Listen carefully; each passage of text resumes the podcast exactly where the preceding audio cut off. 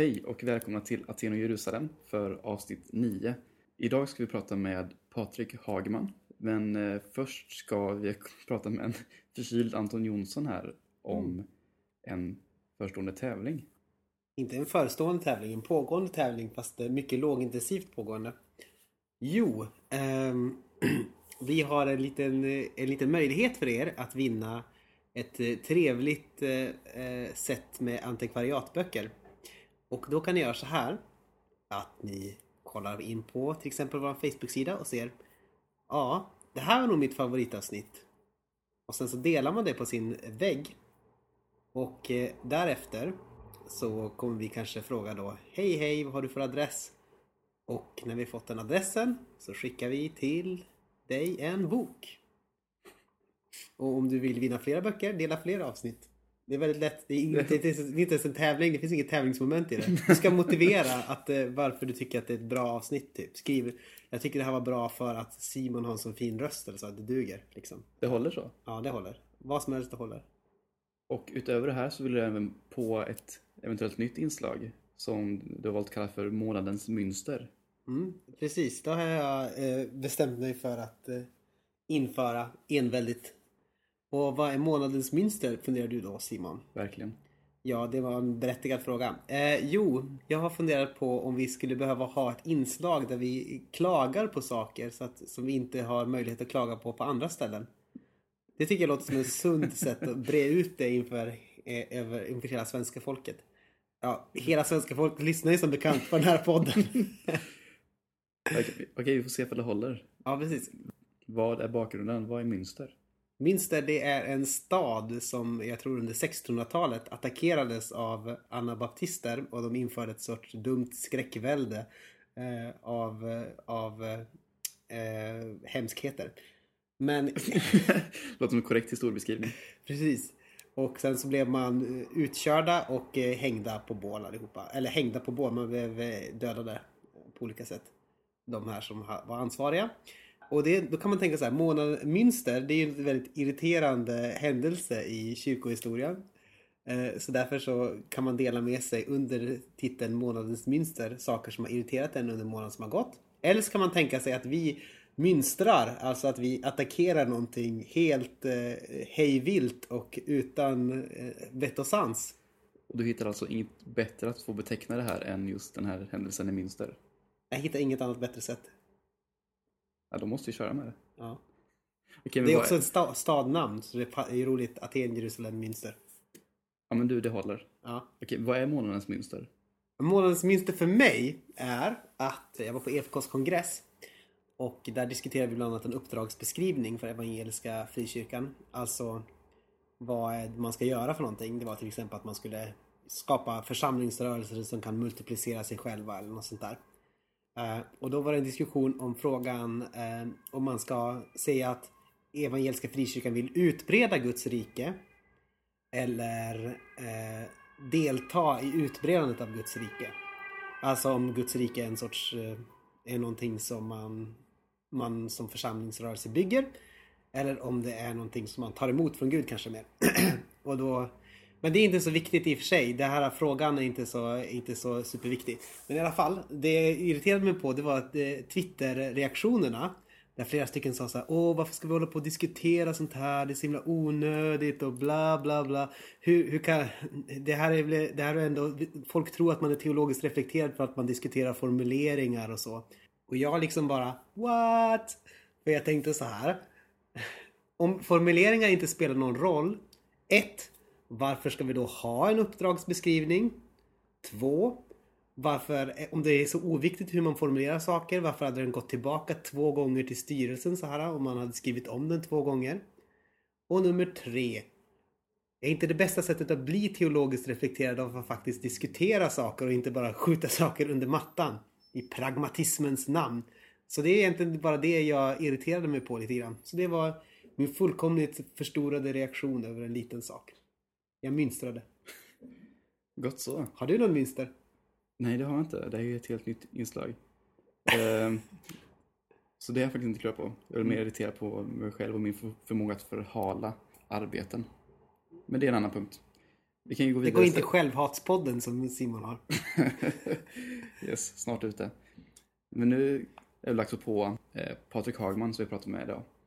Och Patrik Hagman han är teolog vid Åbo Akademi där han undervisar i dogmatik. Och han har tidigare släppt bland annat en bok som heter Om kristet motstånd. Och nu har, inför det här har vi läst den, den självstående uppföljaren som heter Om sann gemenskap med den härliga undertiteln Att leva i en kapitalistisk hederskultur.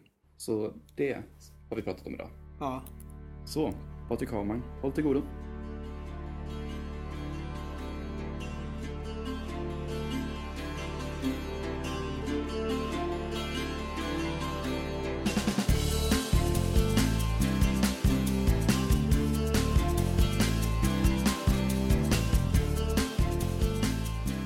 Hej och välkomna, eh, eller hej och välkommen säger vi till Patrik Hagman. Vad roligt Tack så mycket. att det tog dig tid för det här.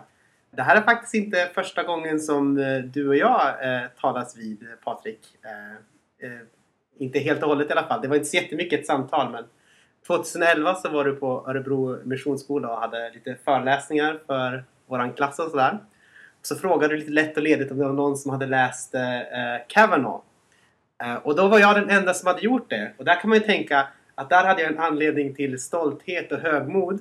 Men eh, du, jag blev eh, illa kvickt nedslagen av dig när du sa att jag hade bara läst hans avskräde till bok Being Consumed som hans eh, förlag hade tvingat honom att skriva. Kanske jag inte uttryckt mig riktigt så skarpt i alla fall. Kan Så dålig är den inte.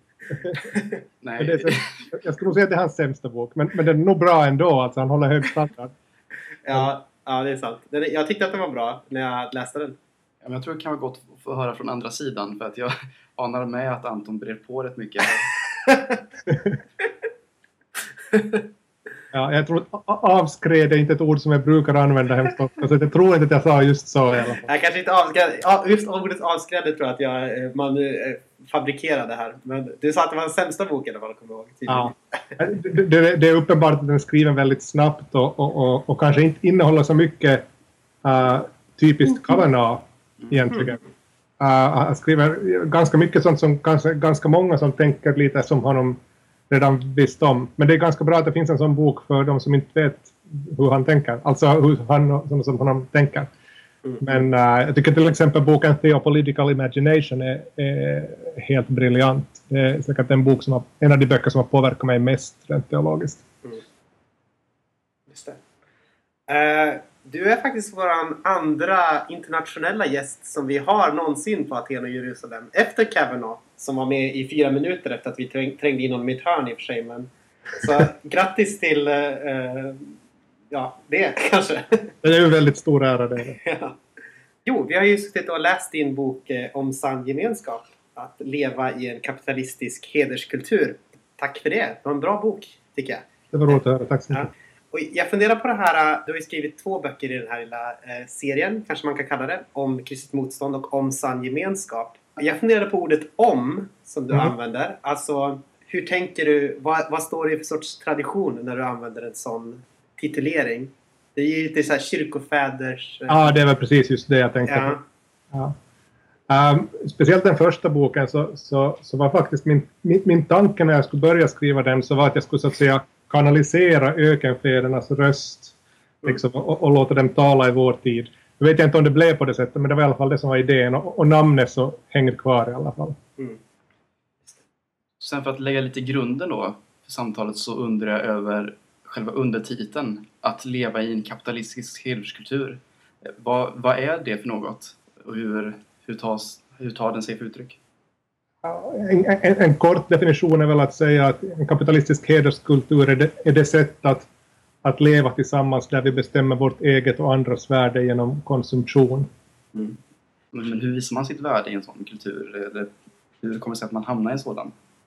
Ja, alltså det, det är ju så, så, som vi har det ofta idag att, att vi lägger stort, stor betydelse vid hur vi går klädda, vilka böcker vi läser, vilken musik vi lyssnar på för det är det som så att säga bygger upp vår identitet och, och vi uh, mer eller mindre fri, frivilligt och ofrivilligt dras hela tiden in i ett spel där vi jämför oss med varandra um, och, och där vi liksom beräknar var vi befinner oss i samhällshierarkin i förhållande till andra.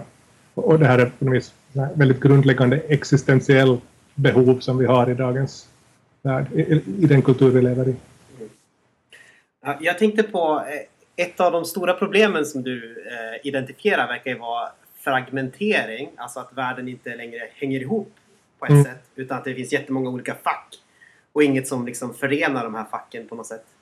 Uh, och vi har liksom ingenting som vägleder oss hur vi ska leva. Och att det då är liksom den här konsumtionen som på något sätt är det enda som förenar oss och som ger någon form av vägledning för hur vi ska leva.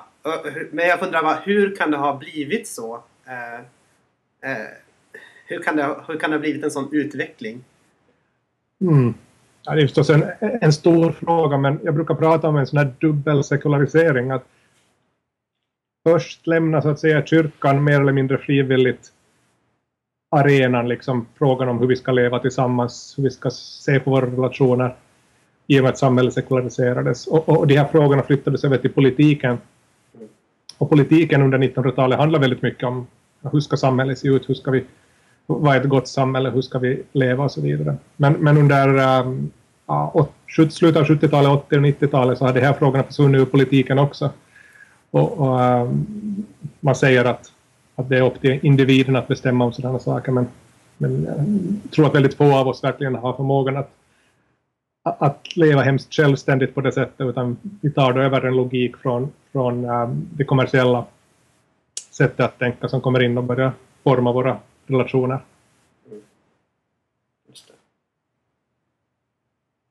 Du pratar också om att eh, vi, eh, vi produktifierar våra relationer.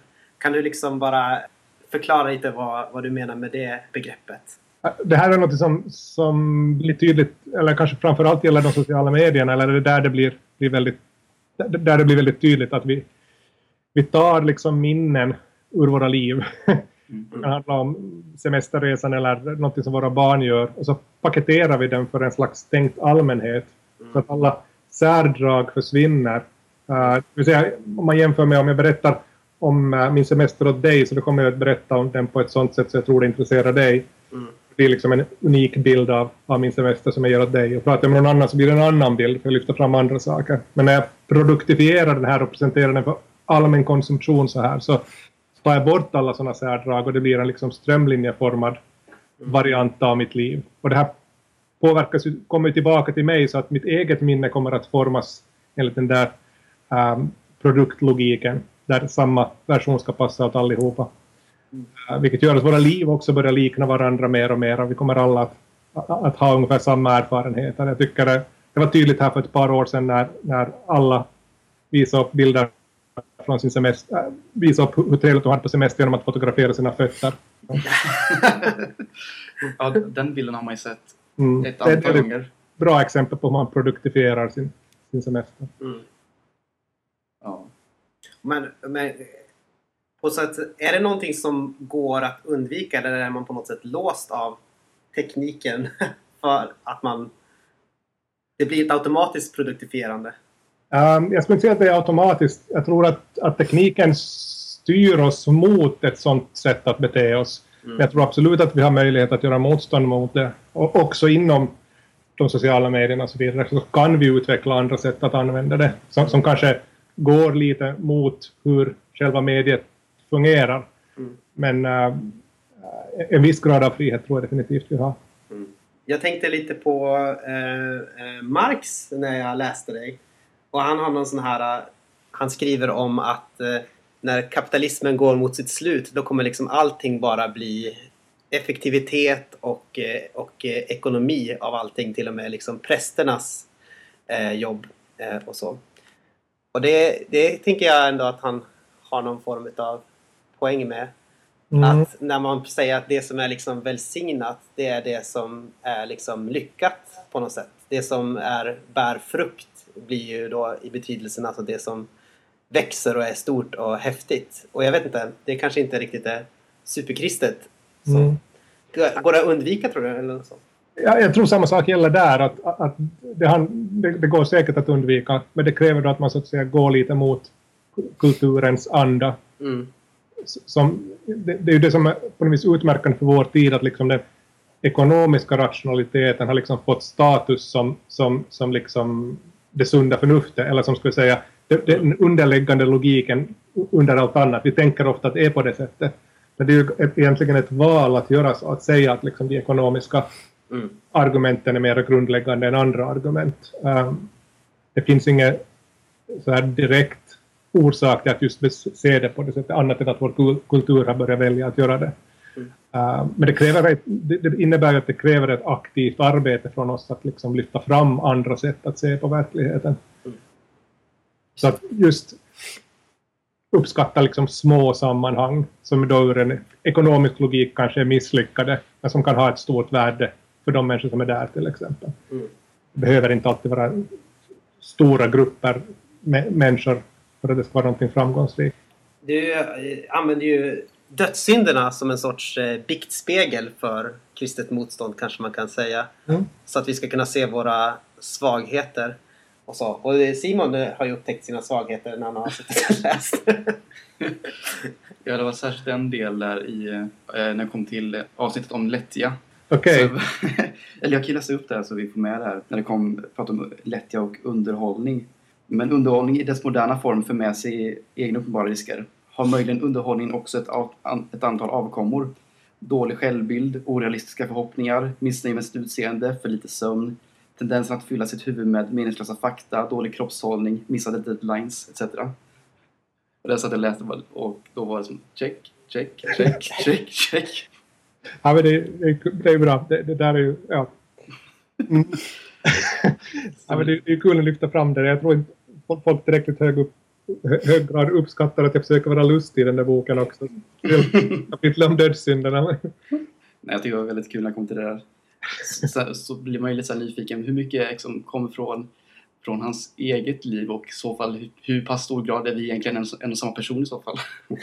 så, så mycket igenkänning i det. Nej, men det, det, jag hoppas det är tydligt. Just, um, där kan ju den, om någon skulle ha ett sån här riktigt uh, stalker-identitet, liksom förhållande till mig och, och, och liksom jämföra vad jag skriver om de här sakerna i mina böcker så ska man ju säga att där har ju hänt någonting i, i, om kristet motstånd så, så, så ganska sådär en, enkelt avfärdar jag underhållning um, och säger att det, liksom, det, det, det behöver vi inte, det gör ingen nytta. Men det här, i den här boken försöker ha ett mer nyanserat um, synsätt på det och, och, och det, det, speglar kanske någon utveckling i mitt eget liv att jag hade, hade lättare att avfärda underhållningen för, för några år sedan idag. Det är en svår sak. Det, jag slutade titta på TV någon gång um, i slutet av 90-talet. Mm. Alltså slängde ut TVn som apparat helt enkelt. Uh, och det var ett väldigt bra beslut. Jag skulle säkert inte ha läst en tiondel av de böcker jag läst om jag inte skulle ha gjort det. Uh, så det är jag väldigt nöjd och glad över. Men sen kom ju TVn in i datorn och så hade man liksom tillgång till allting i alla fall. Den smög sig in igen? Ja, precis. Den kom in liksom sådär oväntat.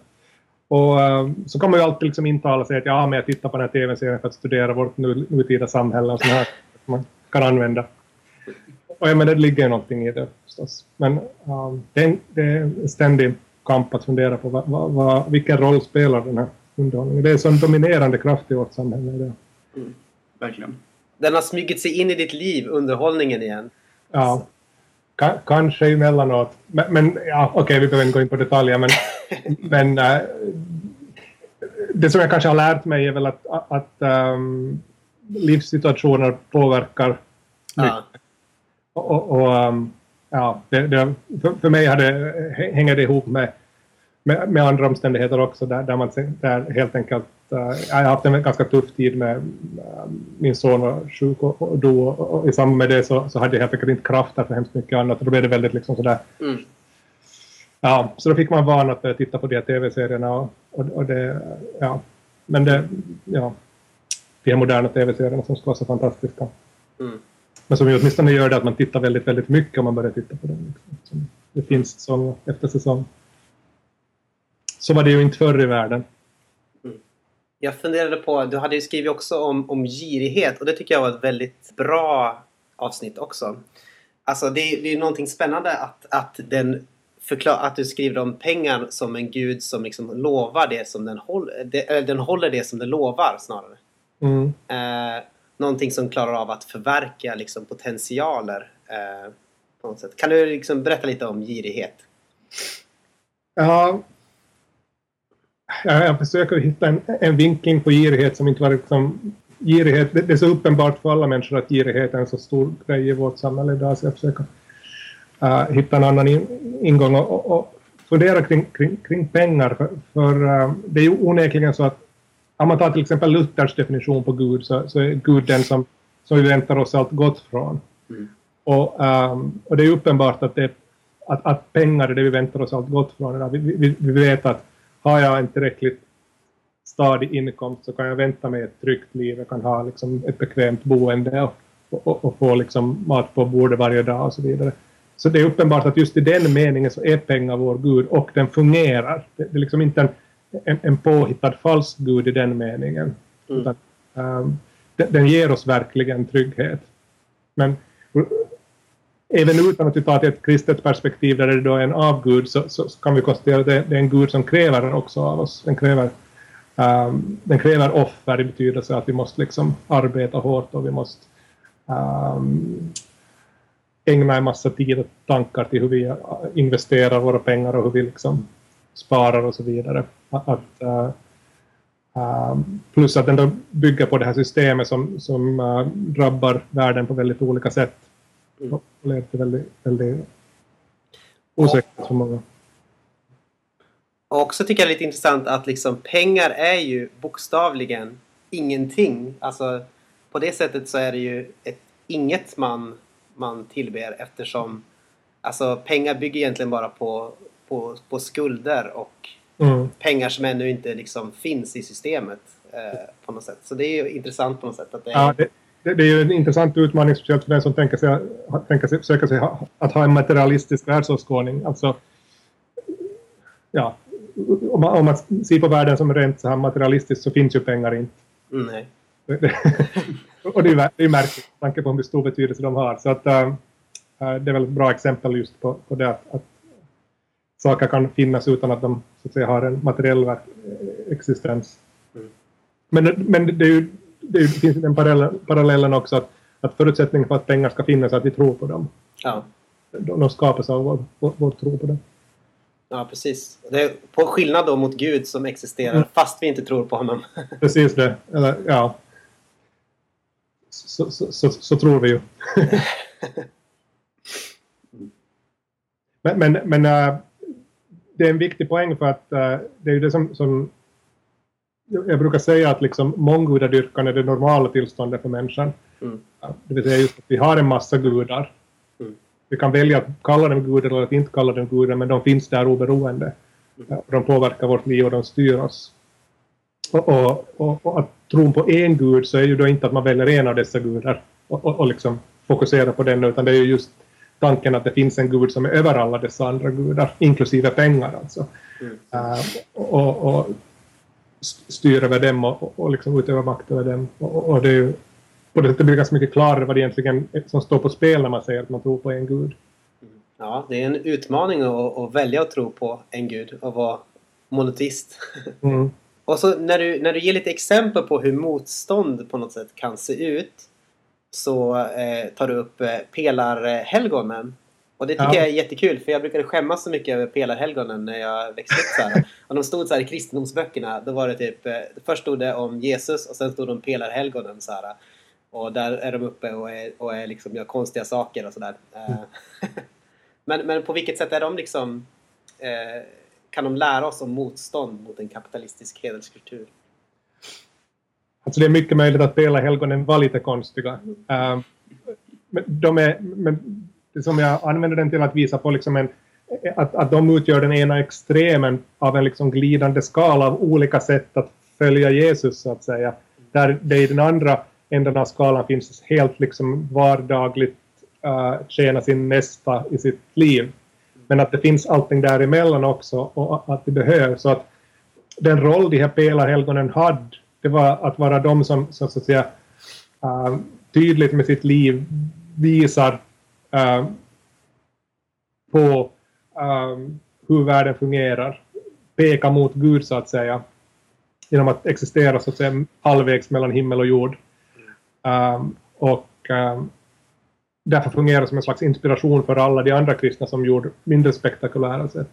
Men en viktig poäng där är just att, att ja, pelarhelgonen, om det bara ska funnits pelarhelgon och så att säga vanliga vardagskristna så skulle de inte ha känt igen pelarhelgonen som helgon utan de skulle ha sett ut som knäppjökar.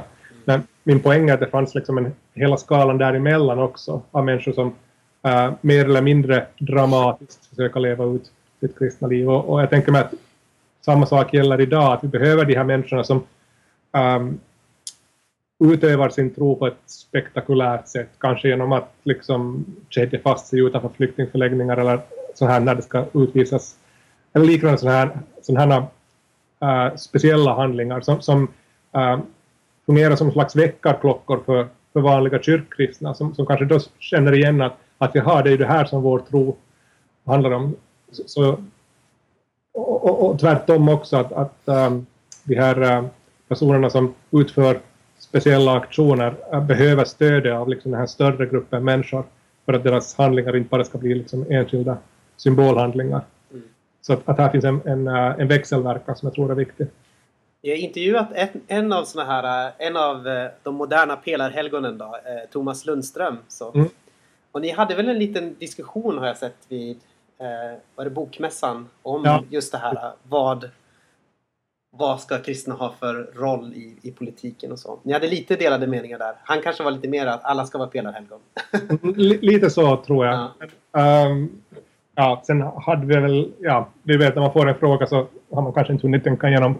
Mm. Så jag vet inte exakt hur, hur, olika eller lika vi egentligen tänkte där. Men... Ja.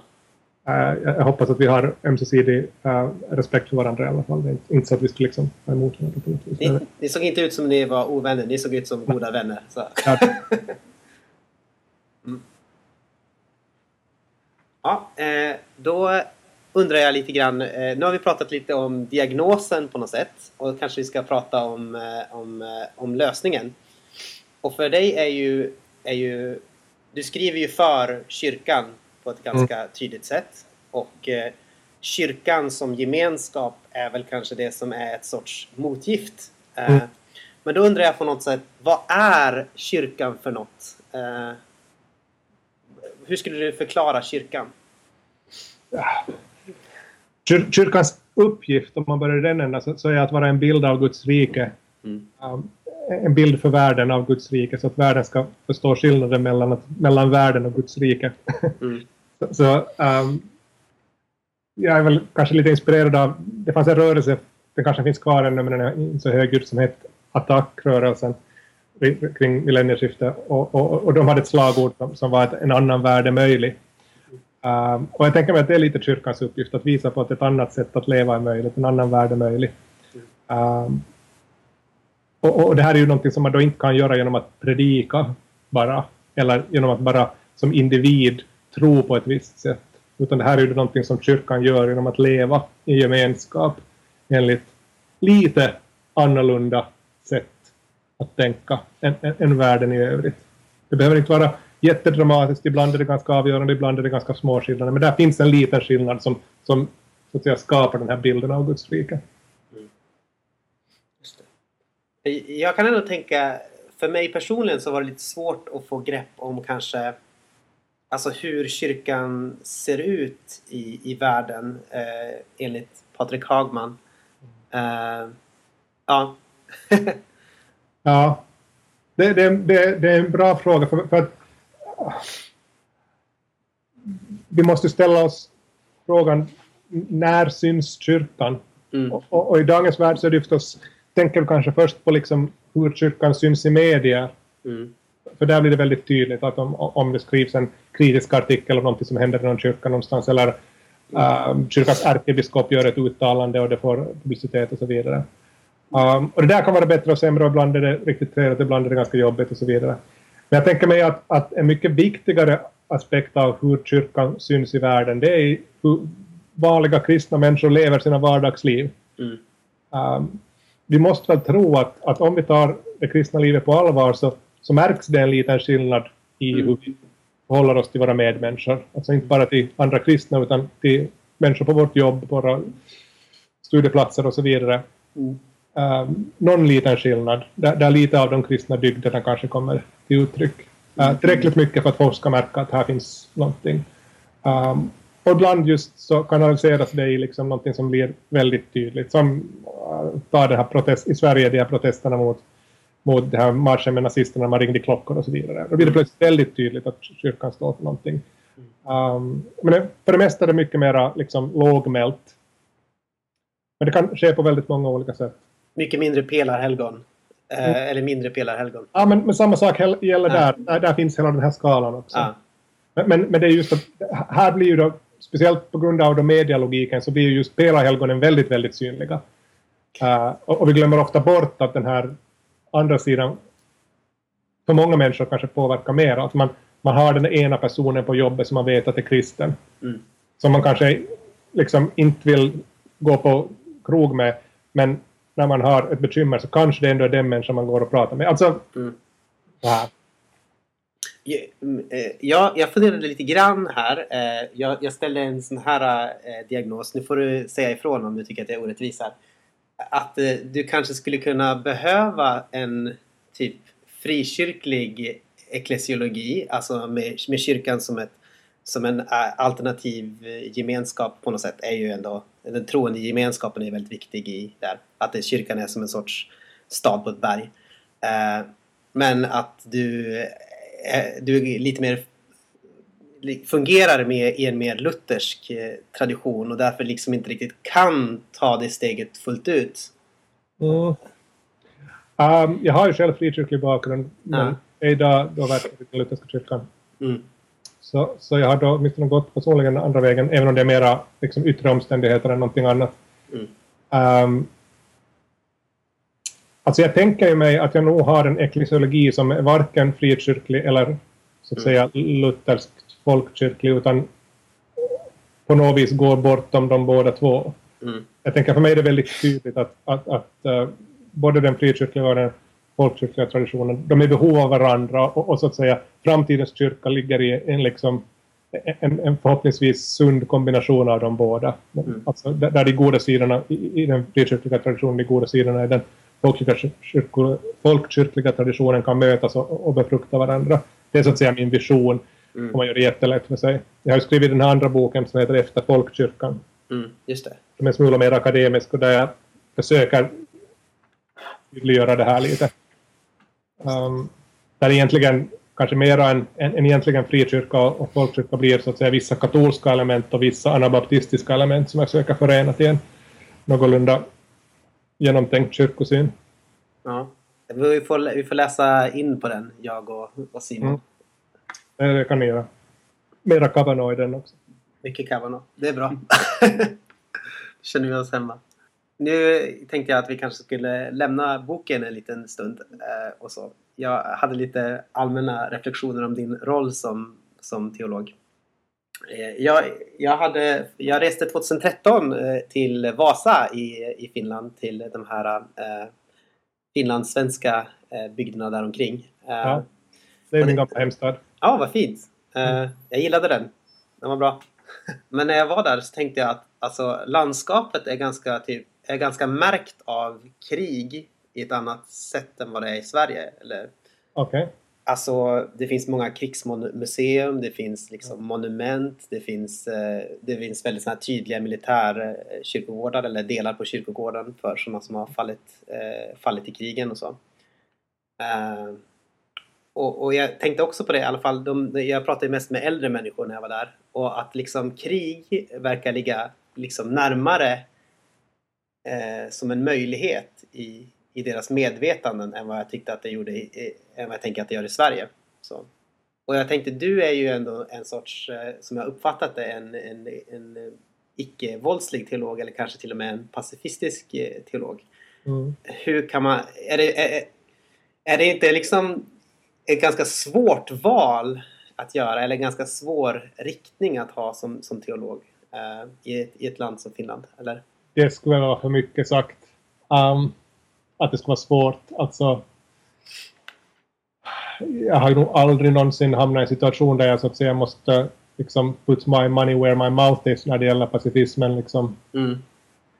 Um, men det är klart att, um, att det finns ju situationer där jag kanske, om jag pratar med, för en grupp äldre herrar så kanske jag väljer att prata om någonting annat än just de här sakerna. um, så det är ju en punkt där jag är väldigt stolt över min, min liksom baptistiska bakgrund. För, för baptisterna, många av de ledande baptisterna satt i fängelse under kriget för att de vägrade mm. gå ut i kriget och, och, och skjuta kristna pojkar på andra sidan gränsen.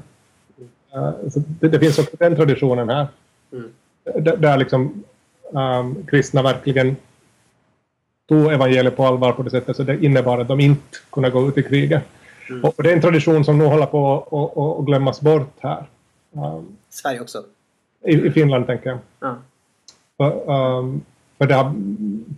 Alltså, det går lite vågor. Nu, sen det senaste året så har det ju igen liksom viss vänt lite på grund av Ukraina-krisen och så vidare. Att folk börjar bli rädda för ryssen igen. Men det, under största delen av mitt livstid så har det ju nog varit en ganska avlägsen tanke mm. på krig. Och det är mest något som vi förknippar med våra mor och farföräldrar och deras generation. Mm. Men just där finns det ju alltid närvarande. Alltså det ju, alla våra mor och farföräldrar är starkt påverkade av kriget. Mm. Våra föräldrar, föräldrageneration så verkades av att deras föräldrar var starkt påverkade och så vidare. Mm. Tack. Uh, en annan sak som jag också har funderat på lite grann det är uh, din relation till Bibeln när du, när du gör teologi eller när du skriver teologi. Uh, du är ju inspirerad av, av teologer som, som Joder.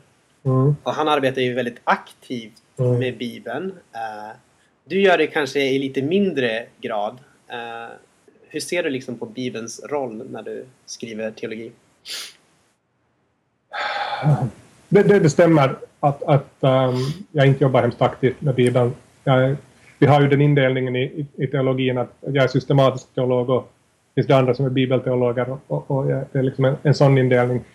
Um, jag tror väl att jag har en ganska god bibelkunskap. Jag brukar säga att jag känner Bibeln ganska väl men inte väldigt exakt. Alltså, mm. Jag är inte sån där som kan säga var, vilket kapitel och vers allting står men, men jag tror att uh, jag nog hela tiden har så att säga bibeltexten i bakhuvudet när jag arbetar. Och, och, och liksom... Um, jag försöker, ibland lyckas jag bättre, ibland lyckas jag sämre, men att ändå ha, ha någon slags regelbunden bibelläsning som en del av mitt, min, min vardag. Och, och det fungerar ofta på det sättet att med det jag håller på och tänker på saker och så sitter jag på morgonen och läser Bibeln och så, så gör jag kopplingar och säger att ja, här står faktiskt så här och, och det stämmer liksom så att man, man håller den där förankringen. Men, äh, men jag tror inte heller att man ska göra en, en, liksom, äh, en onödig liksom, motsättning här. att äh, Hela den kristna traditionen är ju genomsyrad av, av Bibeln.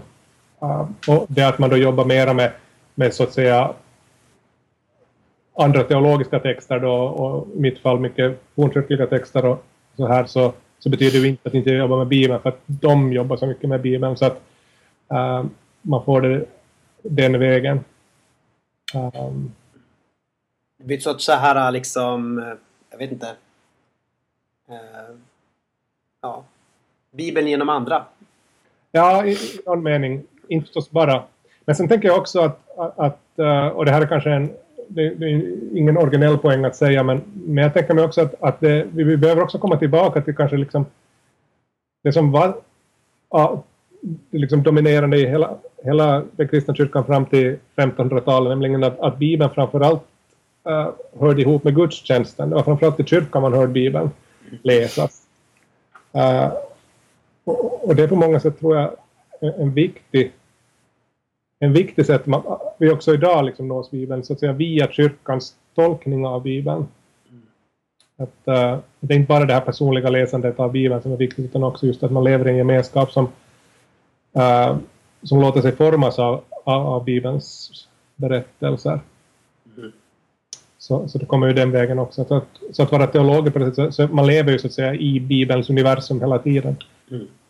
Ja, fint. Jag tänkte att vi skulle ta och eh, runda av det här samtalet med liksom, våra två standardfrågor som vi brukar ha med i varje avsnitt. Mm. Och den första av dessa är Vem är Jesus Kristus? Världens frälsare. Ja. Ja, vill, ska, vill du säga mera? Nej, men, Nej, det, det bestämmer du själv. ja, men jag kan gärna säga, för jag tycker att att det, det, det är något som blir starkare och starkare för mig. För att vi lever i en värld som, som objektivt sett håller på att gå under. På ett väldigt tydligt sätt. Jag menar, vi, vi kommer inte att stoppa klimatförändringen. Blir så här på egen hand. Mm. Att, att, äh, det, börjar bli, det börjar betyda någonting på riktigt att, att Jesus har lovat att rädda världen. Um, och det börjar vara det hopp vi har snart. Så, så det blir mer och mer viktigt för mig. Det, det möjliggör uh, att jag fortsätter kämpa mot klimatförändringen. För jag tror att om jag gör vad jag kan så kommer det att bidra till det som Jesus har planerat. Jag vet inte på vilket sätt. Men det är den liksom avgörande grejen. Mm. Och till sist undrar vi vad, ifall du har några tips på gäster till den här podden? Ja, nu vet jag inte vem ni har haft som gäst. Det går bra, du kan säga ändå. vi, ska vi räkna upp lite vilka som har varit med? Fredrik Vinell, Roland Spjut har vi haft. Eh, Elinor Gustafsson, Maja Ekström, Sofia Valan, Josefin Holmström, William T. Kavanaugh och Thomas Holmström som vi nämnt. Thomas Lundström ja. Ja, visst. Eh, Kavanaugh kan du tipsa om igen för vi har inte... Han var bara med väldigt kort. Precis det. Ehm, men ehm, Tobias Hadin och Kristoffer Lignell, de som har kommit ut med den här boken Efter Kristus, de borde ni prata med. Ja, Det var en bra idé. Mm. mycket bra. Men då så får vi tacka så jättemycket för att du ville vara med och prata med oss. Mm. Tack så mycket själv.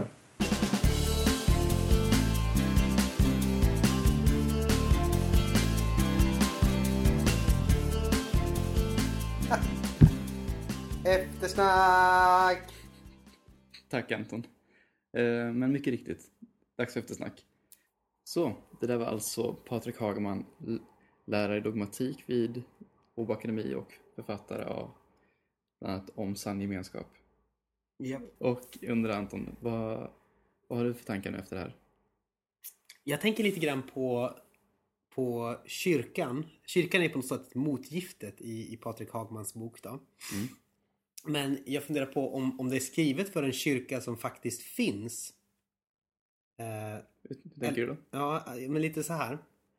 Att eh, alltså det är skrivet egentligen ganska mycket utifrån från kyrkan som en sorts alternativ gemenskap, den tanken. Eh, som kanske finns väldigt mycket i, i, i anabaptism till exempel.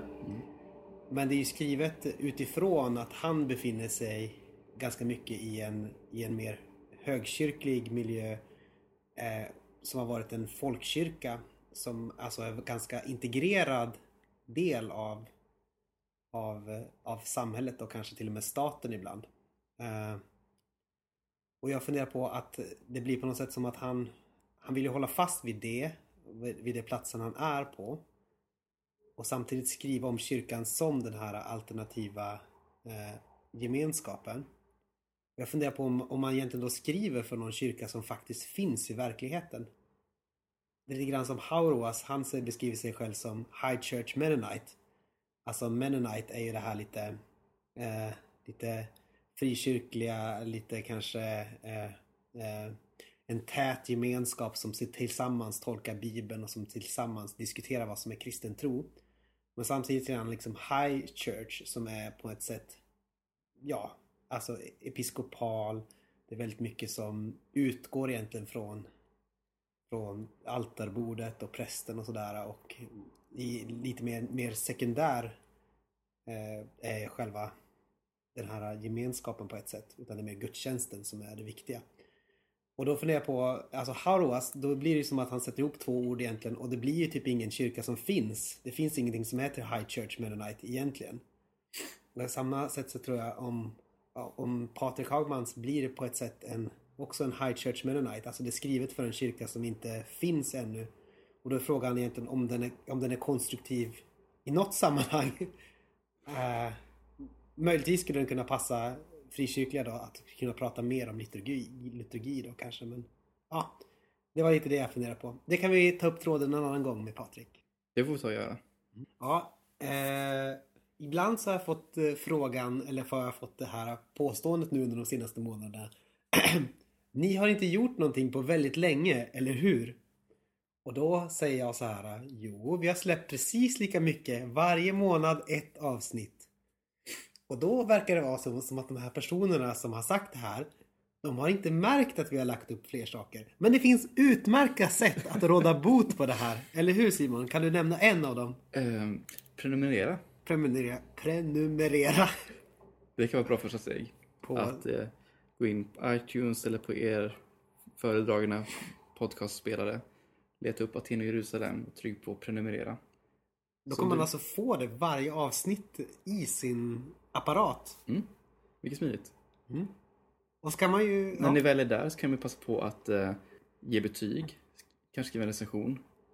Dels för att det är lite kul och dels för att det hjälper till för andra att upptäcka podcasten också. Och sen har vi de numera vanliga kanalerna med. Man kan vända sig till som Facebook och Twitter. Att leta upp vår Facebook-sida och gilla den. Får man uppdateringar därifrån. Eller då får man upp. se varje avsnitt som kommer upp i ens Facebookflöde. Och man kommer inte missa ett enda om man inte är slarvig och läser sitt Facebookflöde.